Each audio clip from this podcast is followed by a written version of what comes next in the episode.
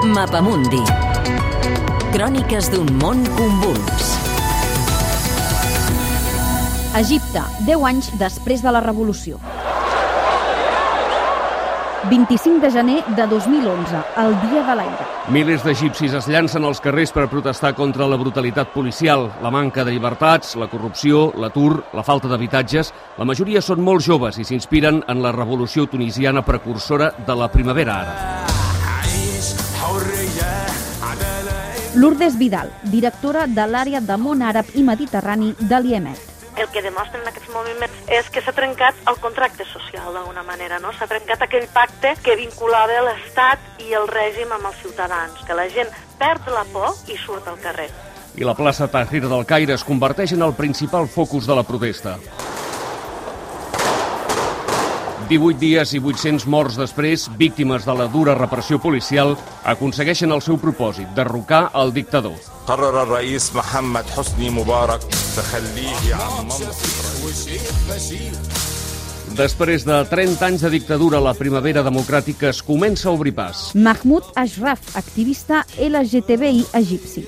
l'escola, mesos després de la revolució, havia un canvi molt gran perquè era la primera vegada que els, els professors en l'escola, per exemple, eh, preguntaven a, a nosaltres què volem estudiar, com volem estudiar, en sentit que era, era com un sentit general de tota la societat egípcia de que volem, de la primera vegada, practicar la democràcia en tot arreu.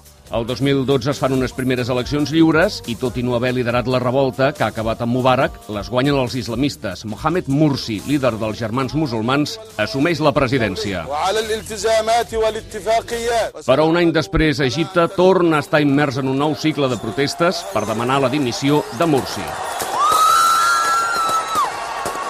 Els islamistes no ho fan bé, no ho fan gens de bé quan estan al capdavant del govern.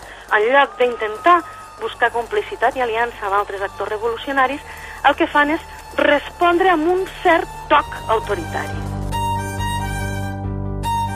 El 13 de juliol l'exèrcit diu prou i fa un cop d'estat per derrocar el líder islamista. El general Abdel Fattah al-Sisi agafa les regnes del poder i encara no les ha deixat. Després d'aquest cop d'estat hi ha una dinàmica repressora molt forta que comença per aquests segments islamistes però que acaba tocant tots els altres segments de la societat. En 2018 vaig rebre un missatge d'un número desconegut de que la policia um, volia arribar fins a la meva casa per detendre-me, de, de posar-me en, en la prisió. Per tant, vaig decidir de sortir d'Egipte i vaig sortir i vaig decidir sol·licitar l'asil. Soc ara un refugiat aquí a Catalunya.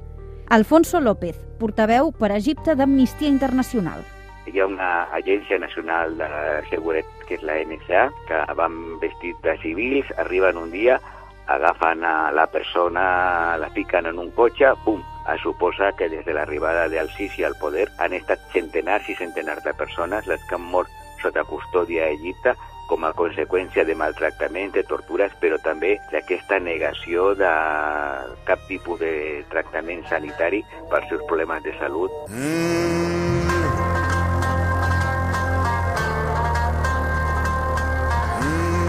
Deu anys després de la revolució que va guanyar la democràcia al carrer, els egipcis tornen a estar sota un règim autoritari que trepitja drets i llibertats.